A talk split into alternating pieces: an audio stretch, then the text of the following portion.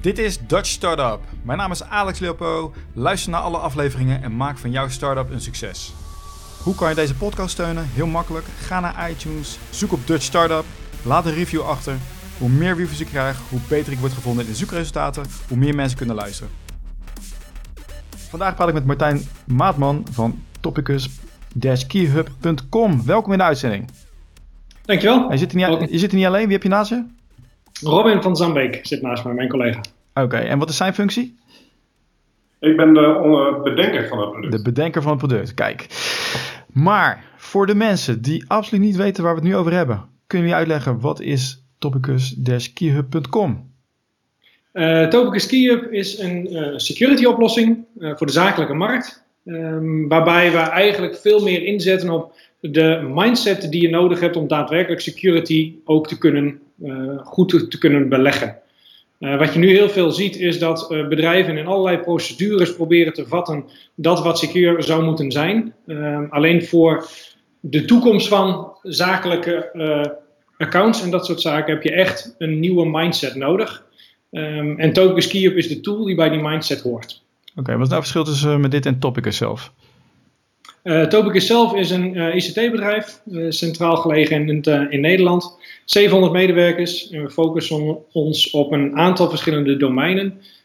waaronder onderwijs, financieel zakelijk, um, overheid, zorg, en sinds kort ook de legal markt. En binnenkort dus ook security als um, specifiek aandachtsgebied. Oké, okay, en de Ski Hub, is dat een onderdeel daarvan? Hoe moet ik dat zien? Hoe is de verhouding?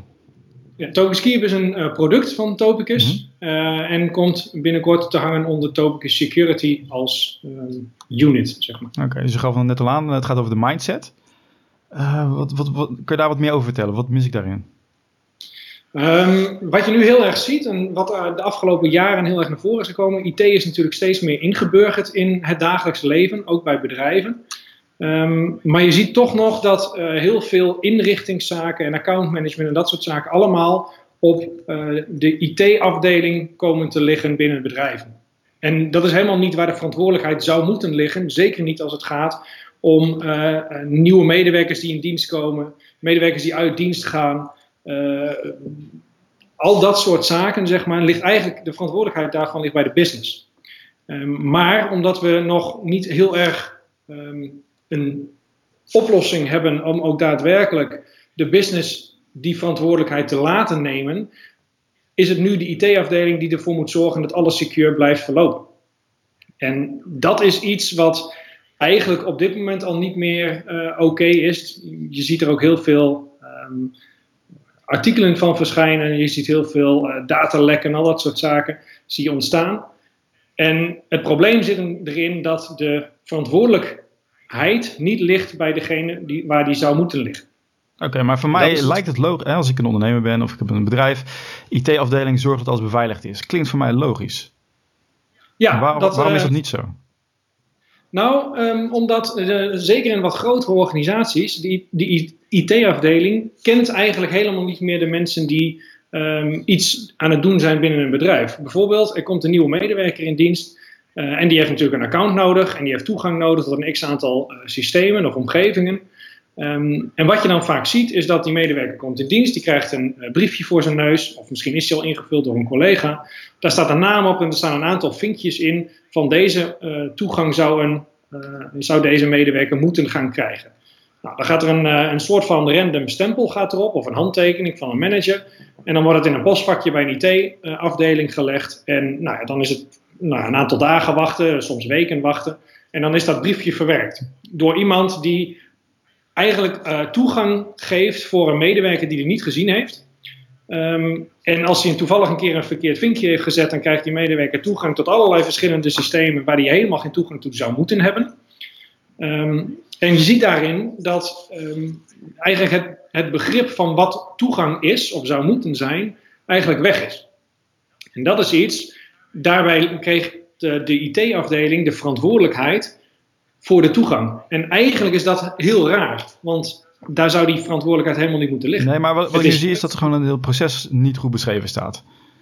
Uh, klopt klopt nou, het dan ja, zo dat ze zeggen van IT-afdeling, jij zorgt voor de beveiliging, maar het complete proces, dus inderdaad van hoe wordt er in de praktijk mee omgegaan, daar wordt niet naar gekeken. Klopt. Okay. Ehm, ook omdat er nog geen oplossing is om dat goed te kunnen doen. Ehm, je wil namelijk niet een, uh, een, een, iemand uit de business, zeg maar, dat die verschillende accounts moet gaan aanmaken op verschillende omgevingen. Ja. Uh, en dat soort dingen. Dat, dat wil je ook niet. Dat kost ook weer heel veel tijd. Dus het is eigenlijk een soort van probleem wat nu nou ja, bij gebrek aan beter, maar belegd is bij een IT-afdeling. Um, en dat is ook helemaal niet hun core business, willen ze ook helemaal niet doen. Uh, die willen namelijk met coole techniek bezig zijn.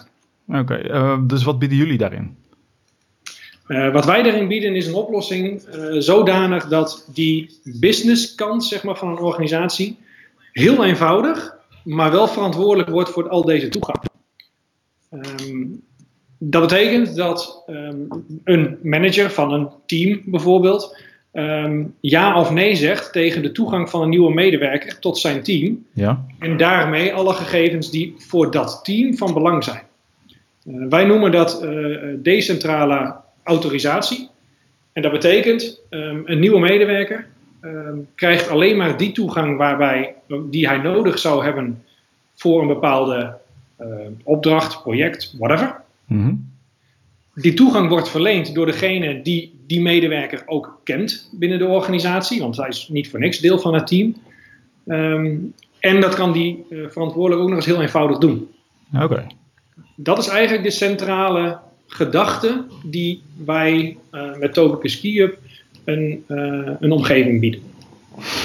Hmm, ik zit even te denken, want dan, waar zit de mindset dan in? Het lijkt alsof of het, als ik het nu hoor, gewoon een hele makkelijke tool is voor een manager bijvoorbeeld om iemand toegang te geven. Het kan tijdelijk zijn of hè, een nieuwe medewerker, vinkje aanzetten en dat het proces automatisch verloopt. Ja. Um, is de mindset puur van, joh, jullie hebben eigenlijk dit product nodig? Of zit er nog iets bij? Nou, de mindset zit hem erin, is dat uh, we eigenlijk moeten uh, leren dat de business verantwoordelijk is ja. voor autorisatie. En dus niet meer een IT-afdeling, um, want dan mis je de gehele verantwoordelijkheid aan beide kanten. Ja, nee, die vat ik. Oké. Okay. Wanneer zijn jullie van start gegaan? Uh, wij zijn een jaar of tweeënhalf geleden echt begonnen. Zijn de eerste uh, letters code zeg maar geschreven. Ja. En nu grofweg sinds een half jaar hebben we ook zoiets van... Nou, nou, we gebruiken het nu twee jaar binnen Topicus, het, de oplossing, 700 medewerkers. Was het echt voor Topicus eigenlijk ontwikkeld? We hebben het in eerste instantie voor onszelf ontwikkeld, ja. Okay. Onder het principe uh, eat, your own, eat your own cookie. Ja. Um, zijn we hier ook, we hadden hier zelf ook behoefte aan. Dus eigenlijk hebben we het eerst in eerste instantie als interne oplossing uh, gemaakt. En eigenlijk kwamen we erachter, hey, dit is, dit is nieuw. Um, wij, wij, noemen dat zelf ook wel, wij denken met deze oplossing eigenlijk om een hoekje. Um, dit is iets wat, wat eigenlijk, het, het lijkt heel erg simpel. Maar het is juist die mindset die je hiermee creëert, wat van belang is. Oké. Okay. En toen hadden we zoiets van, hé, hey, maar waarschijnlijk hebben veel meer organisaties eigenlijk dit probleem. Um, dus nu sinds een half jaar hebben we zoiets van, nou, we gaan hiermee de markt op. En wat we nu zien aan uh, rugbaarheid die eraan gegeven wordt, uh, merken we dat er heel veel interesse is voor die mindset. Oké, okay, en hoeveel klanten hebben jullie al? Uh, los van Topicus zelf, um, met onze 700 medewerkers, hebben we nu twee andere klanten. Dus we staan echt helemaal aan het begin nog van het commerciële traject, ja. zeg maar. Um, en daarnaast um, gaan we of lopen we een drietal pilots. Oké, okay. dus er zijn bedrijven die denken, weet je wat, misschien wel, we gaan even testen hoe het werkt. Um, ja. wat, wat zijn de plannen? Wordt dit wereldwijd iets? Uh, ja. Ja. ja. ja. Uit, uiteraard. zegt uiteraard ja. Nou ja, um, wat, je, wat, wat, je heel erg ziet is inderdaad dat die mindset nu, of sorry, dat het gedachte, uh, de gedachte heel erg aanslaat, juist bij de grotere organisaties. Ja. We hebben vanuit Topicus natuurlijk een, een, een, aantal organisaties waar we via andere producten van ons al, uh, al rondlopen. En um, de interesse die we daar zien, um, is voor ons wel echt een bevestiging dat we met deze oplossing iets in handen hebben wat wel eens heel groot zou kunnen worden. Dus het is niet pure ambitie, het is zeker wel gestaafd op, uh, op wat we nu zien gebeuren. Ja. Um, maar ja, we staan natuurlijk nog wel aan het begin, dus het is, we moeten onszelf ook nog wel bewijzen daarin. Oké. Okay. Um, fin fin financiering uh, in de tussentijd. Topicus, uh, investeert hij erin? Ja, Topicus investeert hierin. ja. Dus qua financiën zit je wel een tijdje goed. Je hoeft geen, je hoeft geen investeerders op te, te hebben. Nou ja, we hebben met, deze, met dit product wel een product staan wat niet direct binnen de strategie van Topicus als bedrijf uh, ligt. Ja. Um, security aan zich is nog niet heel breed belegd binnen uh, Topicus als oplossing zeg maar, voor de markt. Um, dus wat dat betreft uh, zoeken we niet actief, maar zoeken we zeker wel naar partners die eventueel ons hierin kunnen versnellen. Oké, dus het is niet zo dat jullie oneindig geld hebben. helaas, helaas. ja.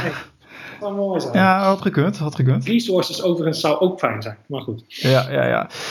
Toch wel. Oké, misschien een kleine knippel naar Topicus zelf.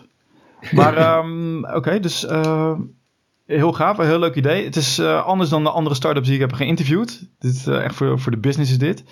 Maar wel heel gaaf. En um, ja, ik zit even te denken. Nee, ik heb ze nu wel gehad eigenlijk. Want jullie gaan, hè, het is eigenlijk gewoon nu testen, schaalbaar maken en groeien. En investeerders ophalen.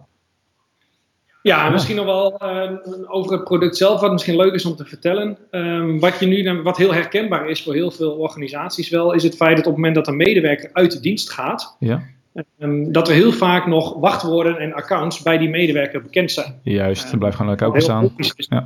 ja, de accounts worden allemaal gedeeld. Um, ja, dus je, zelfs maanden later uh, kom je er vaak achter van... hé, hey, maar uh, Pietje is toch al uit dienst, waarom uh, kan hij nog steeds daar en daar inloggen? Ja.